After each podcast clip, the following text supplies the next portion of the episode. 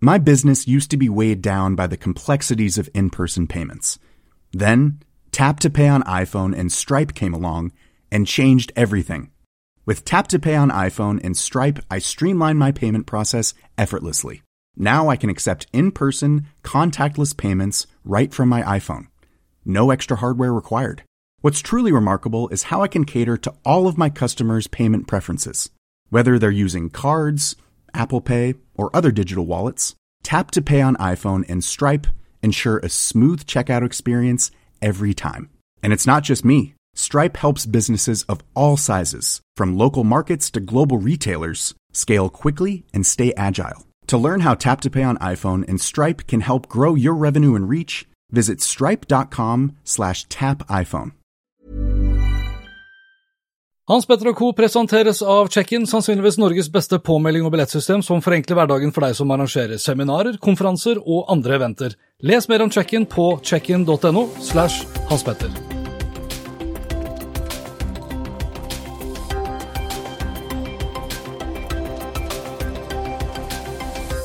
Hei, velkommen til Hans Petter og co. Gjesten min i dag er journalist og redaktør i Medie24, nettavisen som ble etablert av Gard Michaelsen tilbake til 2014, og som mest av alt skriver om uh, mediebransjen. Erik var Gards første ansettelse, det er riktig? Det er helt riktig. Det er helt riktig, Og han tok over hele avisen etter at Gard ble publisher i E24. Erik har journalistutdanning fra Norges kreative fagskole og Southampton Solent University. Medie24, vi begynner med det. Medie24 skulle være gratis for alltid. Men i 2018 så valgte avisen å satse på brukerbetaling. Fasiten ble 2000 abonnenter samme året brukerbetaling ble etablert. Og nå har nettavisen rundet 4000 betalende lesere. Mm. Gratulerer så mye med milepælen, Erik. Ja, tusen takk for det. det... Sier vi milepæl, eller sier vi milepæl? Nei, i Trøndelag sier vi milepæl. Ja, Pæl, ja. Tjukkelse i tillegg. Du, også Hvor viktig er det for Medie24 å ha betalende lesere? Ja, Det er, altså, det er ufattelig viktig. Eh, og det er klart at eh, Da Gard eh, slutta, så var vi jo eh, tre-fire årsverk. Altså Nå er vi jo seks faste årsverk, og det skyldes jo i all hovedsak at vi tok brukerbetaling på alvor. Mm. Og at vi, at vi har liksom en, en to-tre millioner inntekter på, på brukerbetaling allerede. Og det er liksom når du refererer til at du sier at Med24 skulle alltid være gratis Det står på deres egne sider. Det gjør det. og det her er jo eh, Jeg og Gard er jo gode venner i dag òg, og, og, og, han var jo, og er jo glad i å melde og, og si ting òg, men han i likhet med meg opplever jo Når du har så klokkeklar empiri da, på at brukerbetaling fungerer, mm. så skal det være ganske gal for å si nei takk. Eh, og, men, men, jeg tror det var helt viktig å liksom vente, da. Eh, og at vi, det tok jo eh, tre, tre og et halvt år før vi evna å ta brukerbetalinga inn i spaltene våre Så, Fordi du er avhengig av å ha trafikken. Jeg pleier å si litt sånn, Det er litt som å gå forbi et bakeri. Og det bakeriet hver morgen, det er nyhetene dine som produseres. Og det bakeriet, du må liksom, du må friste dine altså, potensielle kunder hele tida med gode lukter. sant? Du har ferskt brød, du har liksom alt inne. Så etter hvert så begynner de å gå inn i butikken, da. Da er det liksom freebies. Da leser de med 24 litt sånn en gang iblant. sant? Ja. Men altså, åh, det brødet var godt. Og så etter hvert da, så ser de at betjeninga er hyggelig, du får et smil. Og etter hvert så ser du den her skolebollen bak, eh, bak eh, kassa, og det er den du vil ha. Men for å få tak i den skolebollen, så må du betale litt ekstra. Ja. Men for å få folk til å kjøpe den skolebollen, så må du ha mange flybys. Du må ha åpen trafikk. Eh, så, så, vi venta jo til vi liksom var etablert og hadde jeg tror vi hadde 60 000 unike brukere i uka på det tidspunktet hvor vi gjorde det. Og nå har vi jo 75 000.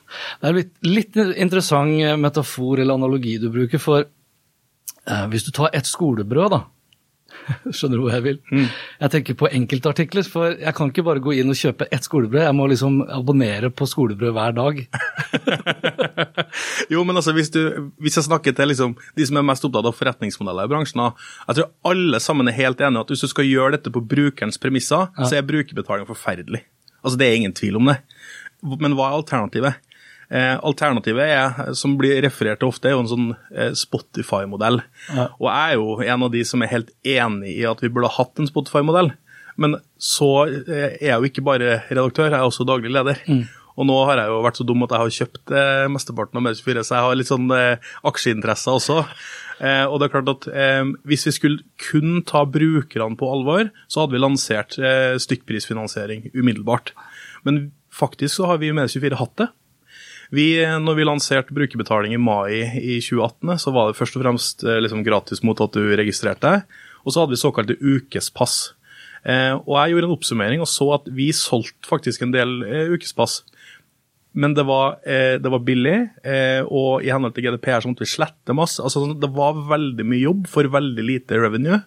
Og til slutt så endte vi opp med at dette kan vi faktisk ikke prioritere å bruke tid på når vi er så få som vi er. Nei, Nei og så er det jo sånn Det er jo litt viktig å ha som et mediehus, så er du avhengig av å vite sånn noenlunde hva, hva du kan få inn av inntekter også. Det er, veldig, det, er liksom, det er veldig deilig å vite at når vi nå ble ferdig med 2019, og så går vi inn i 2020, og så vet jeg at å ja, jeg har allerede penger, altså jeg har allerede inntekter Ja, for å lage journalistikk. Ja, for du har recurring revenue, sant? Ja. Revenue, så du har penger som kommer inn hver måned, og, og, og du har liksom en, en reetablering eh, hver måned eller år. da. Ja. Eh, og det er klart at For vår del, da, i 2016 så var liksom 95% av inntektene våre kom fra stillingsmarkedet. Al altså stillingsannonser eller bannerannonser, den type ting. Og vi var helt avhengige av å ha liksom flere føtter å stå på. Og i den grad en, en redaktør går rundt og er bekymra i Medie24 i dag, så er det jo fordi at man går og tenker hvordan kan jeg sørge for å få flere inntektsstrømmer som gjør at vi kan finansiere bedre journalistikk over tid og skape en bærekraftig bedrift. Og jeg tror brukerbetaling er definitivt en av de løsningene. Det har kommet for å, for å bli. Det kommer for å bli litt, litt sånn som internett. ja, ikke sant? Altså, dere har jo, En ting er jo brukerbetaling, en annen ting er at dere kom jo da i fjor, 2019, med egen app. Som også på lik linje Du får unnskylde at jeg har lyst til å sammenligne med E24, men, men jeg velger å sammenligne med E24-appen fordi den er ganske lik. altså Du får muligheten til ikke nødvendigvis å få det personalisert gjennom algoritmer, men jeg kan velge liksom temaer og tematikk og journalister og fagområder jeg ønsker å og sånn sett da følge. Er det, har, altså har den appen også vært en sånn pådriver til å få inn abonnenter? Eh, ikke, ikke først og fremst for å få inn abonnenter, men, men først og fremst for å befeste posisjonen som en breaking news-organisasjon. Ja, Det er jo lettere å få den retention. altså jeg får jo sta, altså Etter at jeg lasta ned Medie24-appen, så ble jeg jo stadig påminnet om at jeg burde abonnere. For å si det sånn. Ja, vi pusher ofte plussaker. Ja. ja, vi gjør det. Men, men det er litt sånn for at vi, vi er opptatt av altså, Det beste stoffet vårt legger vi bak mur. Altså, det, jeg, jeg, det skulle jo bare mangle, egentlig. jeg blir jo nesten kvert i bransjen når jeg sier bak mur. sant? Altså, De hater jo at de sier det, at vi, at vi Men jeg sier det fordi at folk forstår det. sant? Jo, men dere vet du hva, Jeg må avbryte deg, for dere har jo valgt å egentlig kalle det for medlemmer. Og det syns jeg er mye hyggeligere. Ikke sant? Altså, Det er for våre medlemmer. Det er jo sånn, Når du skal trene på Sats, så er ikke det bak Sats sin mur, det er jo for medlemmene. Kommer du inn bak muren, liksom? Ja, ikke sant? ja, men det er jo det. Så det er litt mer sånn positivt ladet ord. Da Da er du en del av et medlemskap, liksom, en VIP-gjeng som får tilgang til det beste. Jeg sa til mine ansatte Vi var på blåtur i Nord på Norefjell i helga, eh, og, og litt utpå kvelden så sa jeg at eh, så skulle vi liksom alle sammen si en idé som vi hadde for framtida. Og, det skulle være sånn høl i hodet. Og du, så liksom, du har noen millioner med liksom det vi kaller for fuck you money. Og så du bare har det morsomt med, liksom. Og så sa jeg meg hva er din idé? Eh, og så sa jeg det å ha en kafé i Akersgata med Medie24 for medlemmer. Tenk deg altså at du, du kommer inn, altså du, eh, du er nødt til å være medlem i Medie24 for å komme inn her og drikke eh, subsidiert kaffe. eller hva det er. Ja. Og det er litt den følelsen, sant? Det er følelsen at du, du er med på noe, og kanskje enda bedre, altså vi tepper jo inn i den herre FOMO, Fair of Missing Out. Og hvis du er opptatt av mediebransjen og ikke abonnerer på Medie24, så skal du slite veldig, eh, og det er det som er planen, å plag deg. Hele tida være så relevant at du på en måte på et tidspunkt tenker nei, nå må jeg ha det der. Jeg kjenner jo litt på det selv. Altså, for det, Ja, for du er ikke abonnent? Nei, altså jeg har måttet liksom Jeg, jeg har skrevet om det tidligere. Jeg er liksom oppe i snart 100 000 kroner i Og ikke da i medieabonnement, altså, men sånn abonnement generelt. For det er, det, er, det er jo en tendens i markedet overall å liksom kjøpe mindre eh, og abonnere mer. Er, du nevnte jo Spotify, ikke sant? det er jo et eksempel. Og så er det bøker, og så er det aviser, og så er det TV, og så er det mobilabonnement, og så er det bil. Altså Det er jo ikke en begrensning omtrent da, på hva du abonnerer på nå i dag. Så jeg, måtte liksom ta et steg tilbake og vurdere hva er det jeg skal abonnere på. Men en, altså, hallo Ja, jeg vet. Ha, altså, du, du, er jo, altså, du er jo en del av denne bransjen, Ja. og du ikke abonnerer på Medie24. Det er jo helt eh, Nei, Ja. det, dette Vi må ta oss en runde. Ja, eller jeg, må, jeg skal abonnere nå etterpå. Ja, takk skal du ha. Hashtag ikke sponset for akkurat det. Men det har jo vært, eh, når vi er inne på akkurat det med å abonnere, så, og, og mengden av abonnement En ting er jo krone, en annen ting er antall sånn fakturaer. Altså, når jeg abonnerer gjennom mitt selskap, så blir det liksom regnskapsføreren min blir jo også gæren, ikke sant. Fordi det kommer fakturaer da hver måned Noen er heldige og Dere har vel et år? Be begge deler. ja. Ok, altså, ok, Men det er ikke noe tvil om at hvis jeg skal abonnere, eller når jeg går inn og abonnerer på dere, så må jeg velge i hvert fall et år, sånn at regnskapsføreren min ikke blir klin gæren. For det blir plutselig tolv nye fakturaer som skal da regnskapsføres. Ja. Hun godeste Kjersti Løkken Stavrum i stiftelsen Tinius, hun eh, var jo ute her, jeg husker ikke om det var i kampanje eller hvor det var, og snakket om mediemangfoldet og at hun fryktet for mediemangfoldet, rett og slett fordi eh, man ikke har en felles påloggingsløsning eller innloggingsløsning. Har du sett på den løsningen fra VIPS? Eh, altså, Vi er veldig interessert i den løsninga fra Vips. Altså, Ja. vi, eh, fordi vi, vi, altså, Akkurat nå så sitter jo vi i Medie24 sine lokaler eh, som vi leier hos Teknisk Ukeblad. Ja. Eh, og Teknisk Ukeblad har solgt sin publiseringsløsning til, eh, til Labrador. Så vi er sånn, akkurat nå så er vi på vei til å ta et veldig sånn teknologisk skifte. Og en av de tingene jeg driver og utreder nå, er jo hvilke innloggingsløsninger jeg skal over på. Ja. Eh, og, og jeg følger med interesse hva Vips holder på med. Men tror du, dere, dere som tross alt er litt sånn vaktbikkjer på vegne av mediebransjen, tror du det er sannsynlig eller realistisk at Skipsted kommer til å gi avkall på sin egen løsning for å liksom gå sammen om en VIPS-løsning med de andre mediehusene? Nei.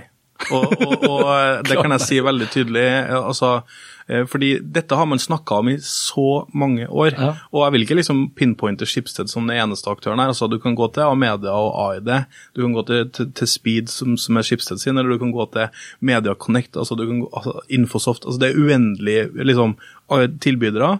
Eh, og det er sånn nok et eksempel på mediebransjen som ikke liksom tar brukerne på alvor til å begynne med. da. Er det én ting folk irriterer seg over, så er det at de må logge inn hit og dit og sånn. Og jeg er jo ikke noe bedre. Altså Her må jo folk logge seg inn med Tekniske Ukeblad sin, som er en veldig sånn nisje for ingeniører og den type ting. Det er ikke sikkert at journalister i utgangspunktet skal lese dem. sånn at, um, Men alternativet er jo at ingen av de store teknologiske driverne snakker jo sammen. Ja, ja. Uh, Og det er vel ikke noe sannsynlighet for at uh, noen av de kommer til å gå for en sånn Facebook-login-løsning, eller Det er nok ganske sikkert at de ikke gjør. Men vi ser jo noen eksempler. Eh, ta Aller, som har liksom tatt i bruk eh, AID. Altså Du har, du har liksom eh, store konserner som snakker sammen. Noe skjer jo. Men det er klart at Kjersti Løken Stavrum, som, som representerer den største eieren i Skipsted, bør jo snakke med noen i Skipsted om at kanskje man kan gjøre, gjøre noen løsninger her. Fordi at altså, det er jo ikke det her vi skal konkurrere om. Og hvis, og hvis frykten er for å miste brukerdata eller kontrollen på det, så kan man jo finne løsninger for det, men at man har en overbygning som alle logger seg inn med. Ja. Og kommer ikke Speed av media eller noen av de andre aktørene, så kan du banne på at BankID, Vips eller andre aktører kommer og gjør det for dem. Ja, for Schibsted skal i hvert fall- ha, i og med at de, med at de også da har en del andre plattformer, altså type Finn, og du har e-bok osv., så, videre, så er det jo Det begynner å bli en del sånne tjenester som jeg kan bruke i hvert fall Speeden på, da, hvilket er bra. Men eh, sånn tilbake til det vi sa i sted om, eh, om det å abonnere på en hel avis versus det å type, ha enkeltartikler, eller kanskje da til og med få medlemsfordeler da, til andre aviser. Selv ikke innenfor Skipsted så er det jo virker ikke som det er noe særlig vilje for at jeg som en Aftenposten-abonnement eller abonnent kan kanskje da få tilgang til enkeltartikler som er innenfor typisk det jeg er interessert i da, fra andre Skipsted-aviser. Det er liksom eh, det her er en diskusjon som jeg føler går på repetisjon år inn og år ut, samtidig som man da klager over bærekraftigheten. da. Men jeg tror, jeg, jeg, tror du har rett i det, og så tror jeg eh, et annet perspektiv på det. Hvis du ser på hvilken tidsalder er vi akkurat nå i medieøkonomien, Ja. og de årene som har vært fram til nå, har vært å punkt én, få på plass en teknologi som fungerer, og hvor vi kan kontrollere brukerdataene. Punkt to, bygge volum. Punkt tre, ta det ut i pris. Punkt fire, som vi ser akkurat nå, skape den medlemsfølelsen, skape rabattløsninger, reiseturer med avis. Altså, jeg tror vi kommer til å se mye mer av den liksom bøndlinga internt da, i hvordan du kan få ulike produkter hvis du er en del av oss. Så her er et vanvittig potensial, og det vet at de snakker mye om både i både Schibsted og i A-media. Men hvor, hvor god tid har man da? Altså, I mediebransjen har vi veldig god tid, tydeligvis. da. Ja, jo, men det virker jo sånn. Du har liksom På den ene siden så ser du Ja, dere kanskje da ikke sant, flagger og liksom feirer Nå har jo dere lite Dere har lite teknisk slash analog gjeld, da. Det har dere jo. Jeg har jo ikke noe gjeld. Nei. ikke sant? Mens andre mediehus har jo ganske drar med seg ganske mye gammel, gammel arv, hvis du kan kalle det på den måten. Men det feires jo til- tilsynelatende ganske mye nå, med liksom overskudd hit og dit, og det ansettes journalister etc. Så man kan jo få inntrykk av den ene dagen at nå er liksom, krisen er over, det går kjempebra. Samtidig så vet vi at uh, veldig store andeler av inntektene til de største mediehusene fortsatt kommer fra annonser i papiraviser, og for så vidt også da løssalget som sådan, mens det fortsatt faller. Leser vi Bernt Olufsen, som hadde en kommentar i deres avis, tidligere sjefredaktør i VG, så var det vel ganske klart og tydelig hva han mente om at man ikke hadde enn så lenge klart å komme opp da med en det, langsiktig, bærekraftig forretningsmodell. Hva, hva tenker du liksom om de pilar Dere har to pilarer dere står på nå, da. Altså, vi, og, og vi jobber med nye også. Ja. Du kan si at, eh, eh, altså, Spør du meg om mediekrisen er over? Nei, overhodet ikke. Eh, men spør du meg om jeg ser et bitte lite lys i enden av tunnelen? Ja. Men det er liksom viktig nå at vi som bransje ikke tenker at nå har vi funnet løsninger. Fordi at brukerbetaling utgjør jo en, en stor del av inntektsstrømmen. Men det er klart at vi har jo hatt annonseinntekter som vi bare Altså, du kan gå ut og hente en kampanje og så, og så, som du kan jobbe veldig lite for, men sitte igjen veldig mye med. Og så kommer jo disse ja, Jeg blir så møkkalig av å snakke om de globale gigantene som stikker av med 6 milliarder. Altså, men, men det er jo en realitet her som er ganske viktig, og som er grunnen til at man har konsolidert mediemarkedet, man har nedbemanna, man har omstilt alle de tingene her. Men hvis du spør meg om, eh, om vi har funnet eller er på vei til å finne en bærekraftig løsning altså, Vi kommer aldri til å se en mediebransje som hadde de inntektsstrømmene og tjent så mye på så få føtter som vi gjorde før. Nei. Vi kommer til å må fordele på mange flere. og Jeg kan ta et eksempel fra Medie24. Altså, min ansettelse nummer eh, fem var ingen journalist eller selger. Min ansettelse nummer fem var forretningsutvikler. Eh, og, og hun er forbanna dyktig, jeg òg. Sis Godager Andersen som, som sitter hos meg, hun er hun eneste oppgaven hennes er det å komme på jobb og tenke eh, hvordan kan vi tjene penger på en annen måte i dag.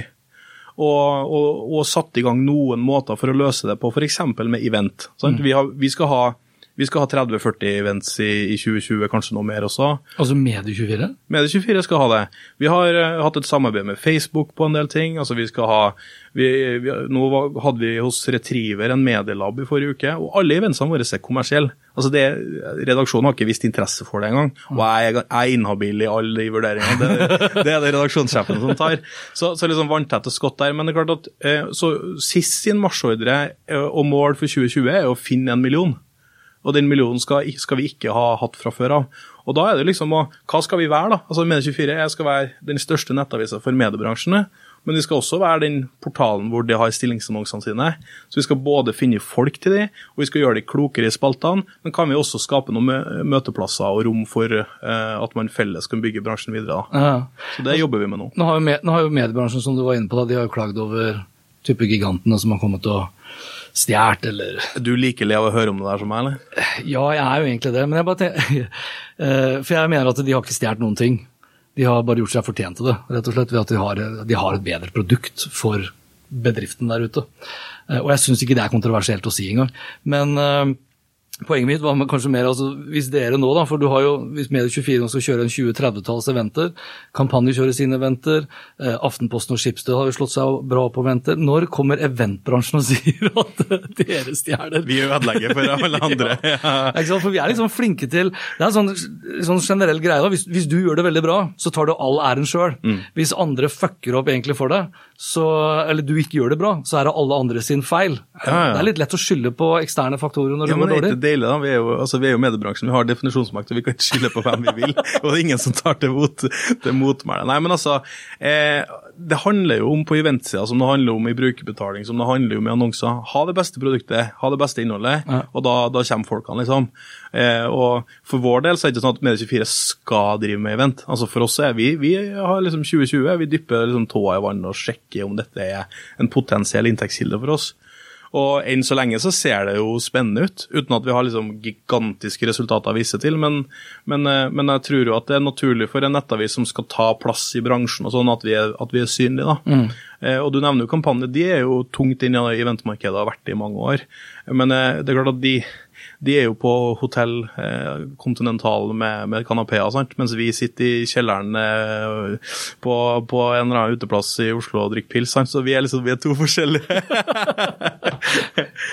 Akkurat det skal ikke jeg kommentere, men jeg ser, jeg ser poenget ditt. Men det er kanskje litt mer hvordan, hvordan dere altså Dere er jo mer på mediebransjen og journalistikken.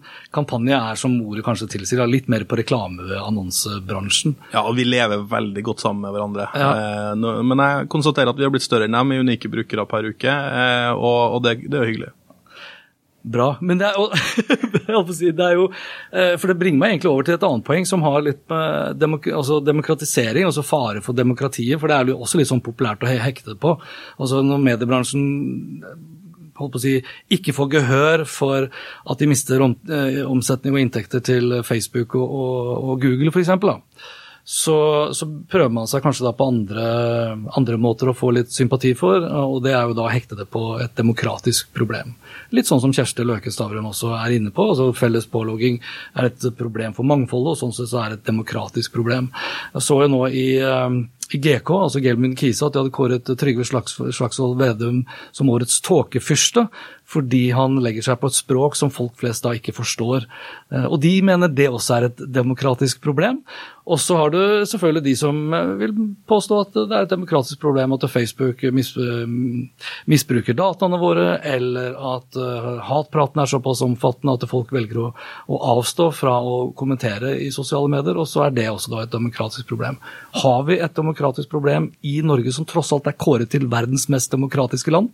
det var et langt spørsmål. Og veldig ledende. Nei, altså vi Ja, du kan jo fortsatt mene at det er et demokratisk problem. altså, til å være eh, sannsynligvis verdens mest eh, bærekraftige demokrati, så har vi mange demokratiske problemer i så fall. Ja. men det er klart at, eh, og, og, og det her kan vi jo sitte og kødde med, men, men det er klart at der, er, der deler jeg jo bekymringa i mediebransjen. at eh, Fordi de som har jobba i en norsk redaksjon på 90-tallet, kontra de som jobber i en norsk redaksjon i dag, det er to veldig forskjellige verdener. Ja. Jeg hadde et intervju med, med klubblederen i Aftenposten eh, ganske nylig som, som sa noe sånt som at eh, det er ikke mange år siden vi hadde en egen person som fulgte med på laksenæringa, en egen en som var god på transport, en tredje som var ekspert på, på sånn ulike deler i bransjene. I dag er det jo ikke sånn. Altså I dag så er det så utrolig mange temaer som man ikke dekker, og som man ikke er god på. Med andre ord, det er lettere å drive med type shady business da, og slippe unna med det, for journalistene evner ikke å være den, altså den vokteren som de burde ha vært overfor alle. Eh, og den utviklinga er ganske kjip, og den kommer til å bli verre. Eh, og så har vi selvfølgelig jobba vanvittig mye bedre de siste årene med å liksom jobbe smartere, kjappere, mer effektivt. sant? Altså, det, har, det er ikke mange årene siden vi var sånn tunge papirorganisasjoner som kun satt og tenkte liksom, ja, det, jeg gjør mitt, og så gjør du ditt, og så går vi videre med dagen. Så er Aftenposten et eksempel på det. Som jeg mener har blitt ufattelig god avis på de siste to-tre årene med liksom et digitalt skifte. Og så jeg er nok bekymra. Jeg er det, altså. Okay. At man ikke evner å, å følge med godt nok. Og så betyr ikke det at altså, Er det, er det viktigere å komme først og ikke være best? Nei, men det er ikke noen motsetning der. fordi okay. det, det er litt sånn, Jeg mener at de, eh, VG eksempel, skal både være først og best, eh, og få konkurranse fra NRK med, med 3600 ansatte. altså De skal være både først og best. Og alle de som er opptatt av journalistikk, vet jo at hvis du kommer med en nyhet tre timer etter noen andre har meldt den samme nyheten, så er det ingen som gidder å høre på. sant? Nei. Og en nyhet som ingen leser, er ikke verdt en skitt. Men jeg ser jo det tilbake igjen til E24, da, for i og med at jeg har den appen stort sett oppe, så ser jeg at noen ganger så føler jeg vel at de er veldig opptatt av å være først. Eh, nå som vi snakker her nå i dag, som er mandag 3., på vei ned så fikk jeg en sånn melding da på push-varsel på min mobiltelefon at Gressvik er konkurs. Eh, og det er en artikkel som bare inneholder faktisk da en overskrift. Hiring for your small business? If you're not looking for professionals on LinkedIn, you're looking in the wrong place. That's like looking for your car keys in a fish tank. LinkedIn helps you hire professionals you can't find anywhere else, even those who aren't actively searching for a new job but might be open to the perfect role. In a given month, over 70% of LinkedIn users don't even visit other leading job sites. So start looking in the right place. With LinkedIn, you can hire professionals like a professional. Post your free job on linkedin.com slash achieve today. My business used to be weighed down by the complexities of in person payments. Then, Tap to Pay on iPhone and Stripe came along and changed everything. With Tap to Pay on iPhone and Stripe, I streamlined my payment process effortlessly. Now I can accept in person, contactless payments right from my iPhone. No extra hardware required. What's truly remarkable is how I can cater to all of my customers' payment preferences. Whether they're using cards, Apple Pay, or other digital wallets, Tap to Pay on iPhone and Stripe ensure a smooth checkout experience every time. And it's not just me. Stripe helps businesses of all sizes, from local markets to global retailers, scale quickly and stay agile. To learn how Tap to Pay on iPhone and Stripe can help grow your revenue and reach, visit stripe.com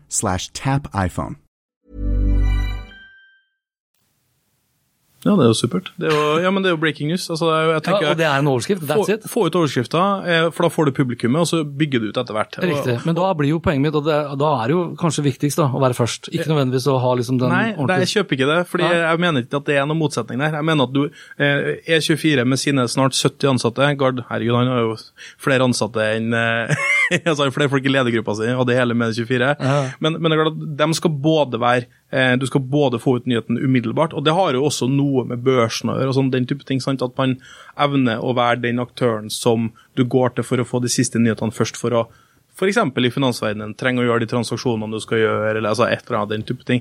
Så time is of the essence også der. Eh, men, men så er det klart at for, ta for eksempel for Medie24 sin del. da. Altså, vi, er jo, vi tenker jo ganske likt som VG, som vi sier. da. Du sier E24, og jeg sier VG. Vær først. Vær først på nyheten, få ut overskrifter, og så kan du etter hvert komme bildet, teksten og alle de tingene der. Fordi hvis, hvis, du, hvis du er den som alltid kommer sist, så har du ikke publikum. Nei, ok, Så det, det er litt viktig for å få etablert det, den top of mind, da. Biholde den top of mind-mentaliteten. Absolutt, og, og det var også grunnen til at vi lanserte appen. Det var for å få nyhetsvarselet, Ja. eh, og, og få folk til å bruke den. og da og vi kommer til, altså Folk kommer til å bli møkkalei av, eh, av den, for vi skal rulle ut en svær, rulle ut en svær kampanje på det nå, med å få liksom folk til å laste ned appen. og sånn, og, og, og, det, det du sier der, top of mind, det er liksom det, er det som er viktig. da.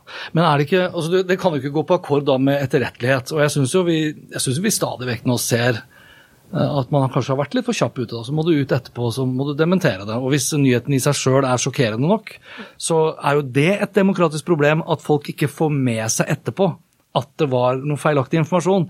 Fordi den første, det er den som vekker mest følelser, og den flyr som pokkeren så mye bedre i sosiale medier enn når de enten må ut og beklage selv, eller når faktisk.no går ut og beklager. Det er liksom en fnugg av den samme interessen.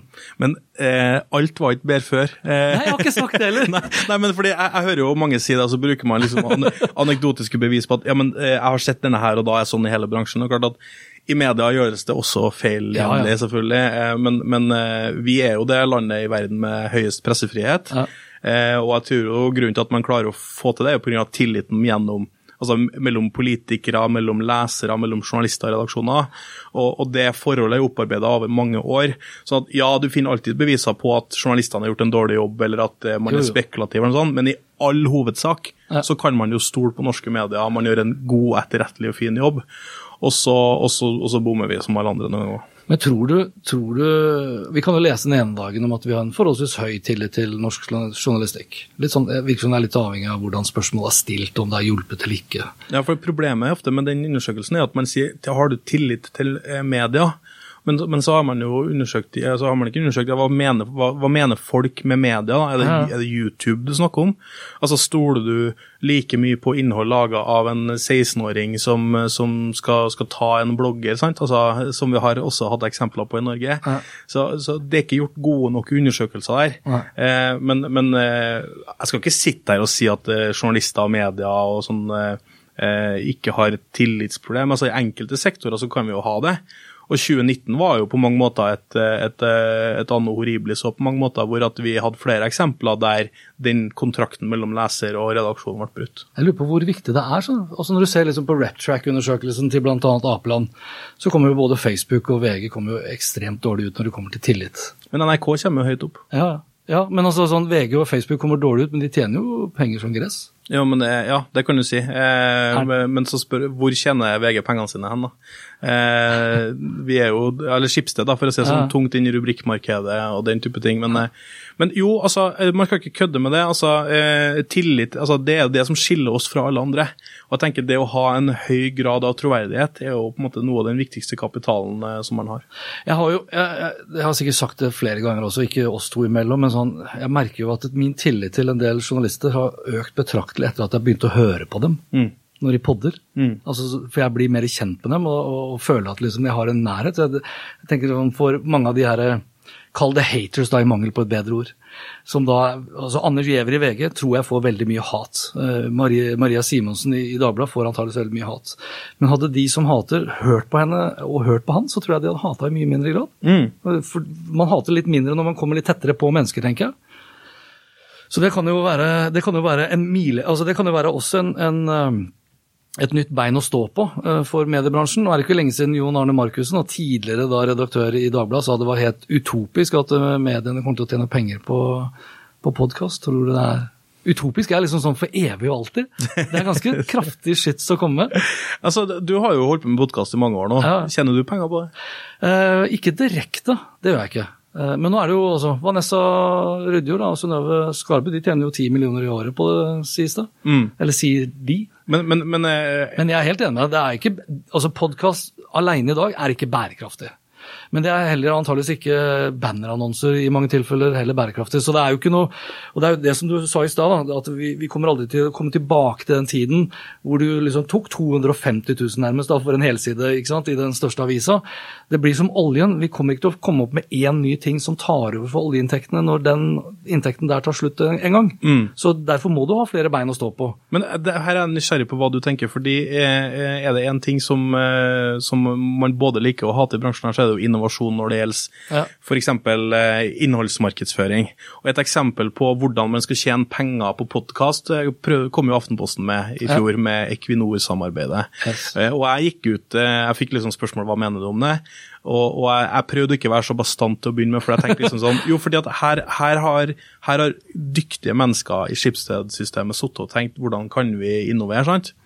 Eh, Men, men jeg, har, jeg har falt på den konklusjonen, og det har jeg sagt til Aftenposten òg, sånn sånn at det, det er ikke noe jeg sier her som de ikke dem, som ikke dem vet om. Og det er liksom den derre De burde ha starta med Redd Barna. Sant? Altså, de burde ha starta med noe ufarlig. da. Ta f.eks. Eh, en dagligvarebutikk eller et eller annet sånt. Du trenger ikke å begynne med de som eh, på en måte veldig sånn tabloid sagt ødelegger verden. sant? Nei.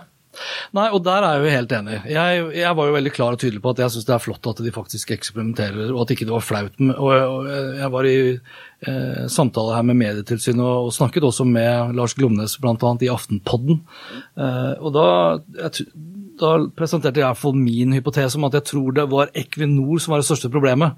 Ikke at de eksperimenterte med en kommersiell episode som gikk på en annen dag enn det ellers gjorde. Jeg syns merkingen var god, både logomessig sett, selv om de fikk jo pepper også for at det var for nært opp til eh, det samme bildet osv., men det var veldig tydelig at det var annerledes. Det jeg derimot var litt usikker på, det var jo om, om de brøt faktisk da med eh, GDPR, fordi en RSS-feed som jeg da har abonnert på, ikke sant? plutselig da, altså Jeg abonnerer på noe som er 100% redaksjonelt, og plutselig så finner du ut at nå skal vi kjøre noe som er 100% kommersielt på et annet tidspunkt, en annen ukedag. Det har ikke jeg, liksom, det har ikke jeg samtykket til at de skal gjøre. Og Der var Forbrukertilsynet helt enig med meg at det tror vi faktisk ikke de sånn sett har rett i. Men, men hvordan løser man det? Så For at det, det er jo, når du abonnerer på en eh, avis eller en papiravis, eller hva det er for noe, så Ja. får du jo noe innstikk der også. Eh, Ja, det, er jo, det, forvente det er jo forventa at også det rasjonelle produktet underbygges av et kommersielt produkt i tillegg. Ja, Men hvis jeg hadde, hvis jeg hadde abonnert igjen, da, hvis jeg kjøper meg et abonnement på Medie24 som en nettavis, og så får jeg plutselig, plutselig så begynner jeg å få e-post fra eh, blid. Bli, som, som et helt ny nettside, liksom. Da skal vi ha holdt på veldig langt ned i bunken før vi Det var liksom, jeg holdt på å si det var Equinor og liksom og Bli. men, men det er klart at eh, jeg var litt sånn derre eh, Det er nok av presseetikere og kan du si medieeksperter som sitter og venter på å reagere på et eller annet. Eh, og jeg har ikke lyst til å bli han fyren, derfor så takker jeg mer nei enn ja til ting. Og, og jeg tenkte at akkurat den løsninga som de kom med Equinor, det kunne de løst på en bedre måte. De kunne ha merka det bedre, det kunne ha vært tydeligere, de kunne ha valgt en annen annonsør til å begynne med, eh, og de kunne ha gjort masse annet. Jeg bare, synes, jeg bare synes det var veldig bra at de faktisk eksperimenterer. Ja, det skal, enig. det skal liksom, altså hvis, hvis eh, alle redaktører hadde hørt på journalistene i 2015-2016 hvor det var liksom nei, nei til content marketing, for nå er det tross alt en av den, det er vel den avdelingen i VG blant annet som vokser raskest. Og, og Dagens Næringsliv, som tapte masse penger, gikk jo ut også og måtte liksom erkjenne og, og beklage at ikke de hadde liksom begynt med det her tidligere. For mediebransjen er jo ikke kjent for å innovere. Nei, vi er reaktive. Ja. Vi er reaktive på absolutt alt. Ja. Og, det, er jo, det er jo noe som, eh, som jeg tenker altså, vi, vi, vi bruker så mye tid på å sitte og være skeptiske og sånne ting, men jeg er jo Altså, jeg, jeg syns jo det er bra òg, da. Fordi journalistene de er opptatt av troverdighet. Det er, liksom, det er det eneste de Ja, er opptatt av, er troverdighet. Eh, og, så, har man kanskje de siste årene brutt noen barrierer, man har liksom kommet, kommet et steg videre, men det har jo kosta noe også. Eh, det det er jo, finnes jo undersøkelser jeg vet er i Schibsted-systemet blant annet, som, som viser at eh, eh, det er noen som ikke får med seg at det er betalt innholdsmarked, altså at, at det på en måte det er ikke merka godt nok og den type ting. Men det betyr jo ikke at det ikke kan bli bedre. Jeg er ganske sikker på at når Aftenpodden kommer, eh, eller Aften, Aftenposten sitt, sitt podkastprosjekt, neste gang de har en innholdsmarkedsfører, eller altså betalt innhold, så er det merka på en mye bedre måte. Kanskje de også har gått opp noen, eh, noen liksom strekker når det gjelder eh, hvilke type aktører de velger å samarbeide med. Ja, for det har i hvert fall ikke gått utover interessen for Forklart. For sånn på den podtoppen så er det jo oppe i en halv million streams uh, i uka. Hvor er de på lista? Jeg tror det var på niendeplass. Ja, de ligger inne, ja, altså de ligger inne på topp ti. Nå har jo da, har jo da podtoppen valgt å kun sortere på antall enheter. Det mener jeg er en dårlig måte å sortere det på. For Forklart kommer ut fem ganger i uka. Og da er det mer interessant å se liksom, hvem, er det som, altså, det, hvem er det som kommer tilbake til Medie24 f.eks. også. Hver eneste dag. Ikke bare hvor mange det er som leser i løpet av en uke, men hvor mange ganger leser hver bruker. Fra et kommersielt ståsted så er det enda viktigere. Så tar du antall, Hvis du tar antall strømminger eller skråstrek da nedlastninger per uke, så ligger Forklart på andreplass, kun slått med noen få tusen omtrent, av friminutt til eh, Herman Flesvig og han Mikkel eh, Ja. Jeg, vet du hva, jeg er faktisk jeg er jo ikke i den målgruppa der, men jeg syns de er så Det synes jeg. Det er fantastisk. Ja, jeg er ikke i målgruppa, jeg heller. Eh, Men jeg velger å Altså, hva er målgruppa, da? Ja, Må sant. du fysisk være liksom eh, ung, eller kan du bare føle deg ung til sinns? Du kan si NRK, altså alle som betaler kulturskatt, de, eller NRK-skatten, de er i målgruppa. Ja. ja, og når du sier NRK og tillit, det er også litt interessant, da, for eh, NRK scorer jo høyt på tillit. Samtidig så scorer podkast lavt på tillit, og det er NRK som er størst på podkast. Så det er liksom hva folk forbinder med de forskjellige kanalene, er ganske avgjørende for hvordan de rater det, og hvordan de tenker at ja, det er klokt av meg kanskje, når jeg blir spurt, og si at podkast, nei, det har jeg ikke noe særlig tillit til. Du, vi, vi skal begynne å gå mot, eh, mot veis ende, men jeg har lyst til å spørre deg om Abid Raja. Vi har hatt eh, ganske mange kulturministre som både skal fikse skatt f.eks. fra Facebook og Google osv., videre, og som skal eh, gjøre det mer bærekraftig for mediebransjen.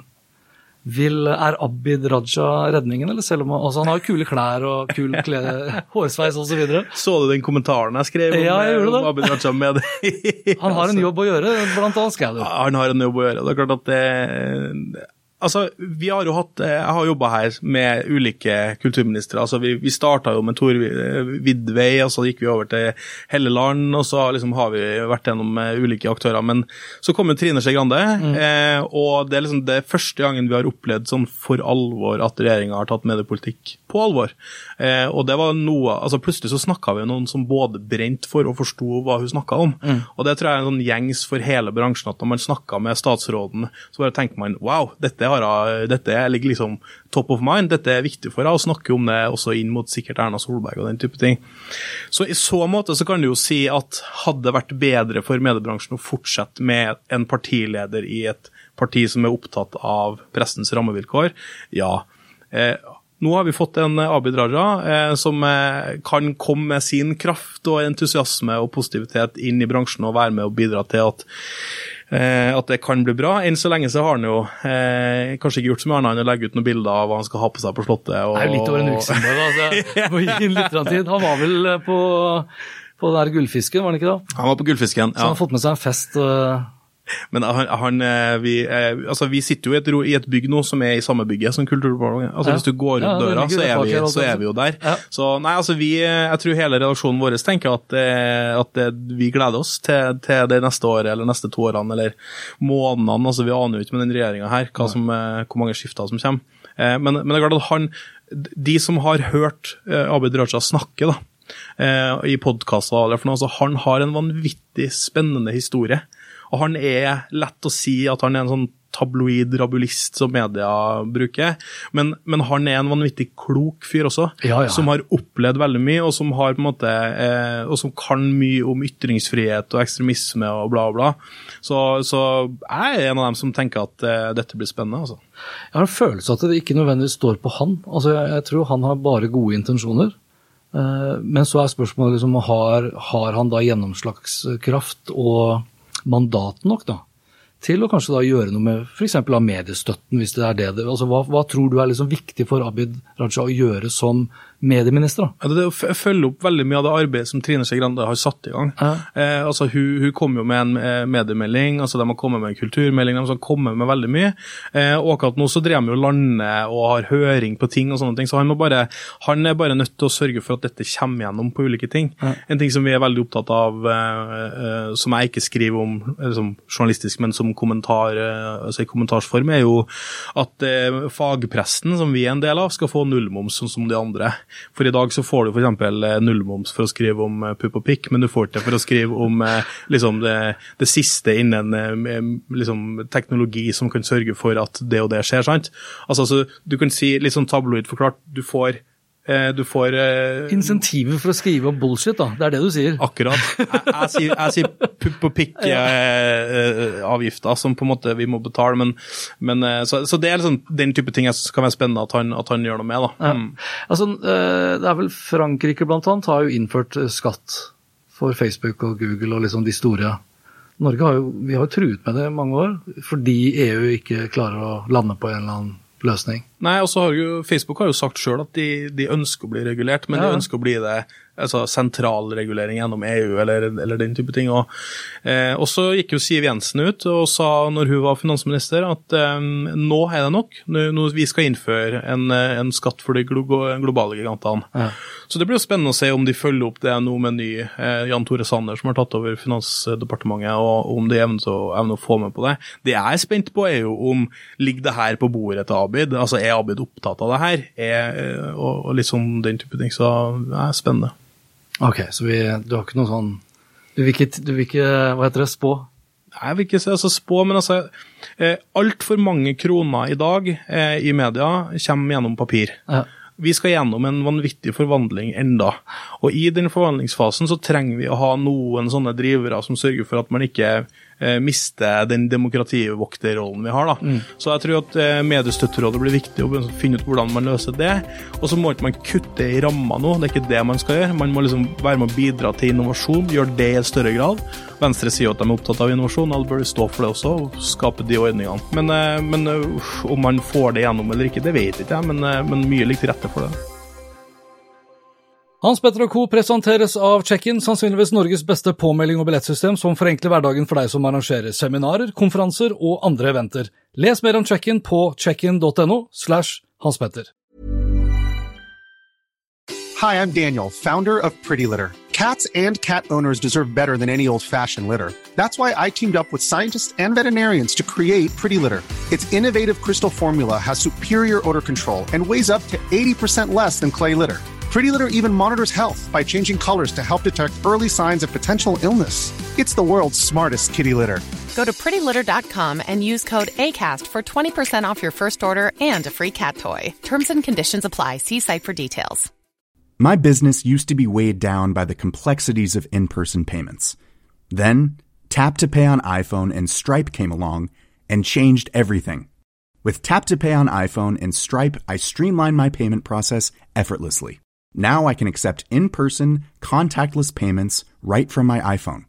No extra hardware required. What's truly remarkable is how I can cater to all of my customers' payment preferences. Whether they're using cards, Apple Pay, or other digital wallets, Tap to Pay on iPhone and Stripe ensure a smooth checkout experience every time. And it's not just me. Stripe helps businesses of all sizes, from local markets to global retailers, scale quickly and stay agile. To learn how Tap to Pay on iPhone and Stripe can help grow your revenue and reach, visit stripe.com slash tap iPhone.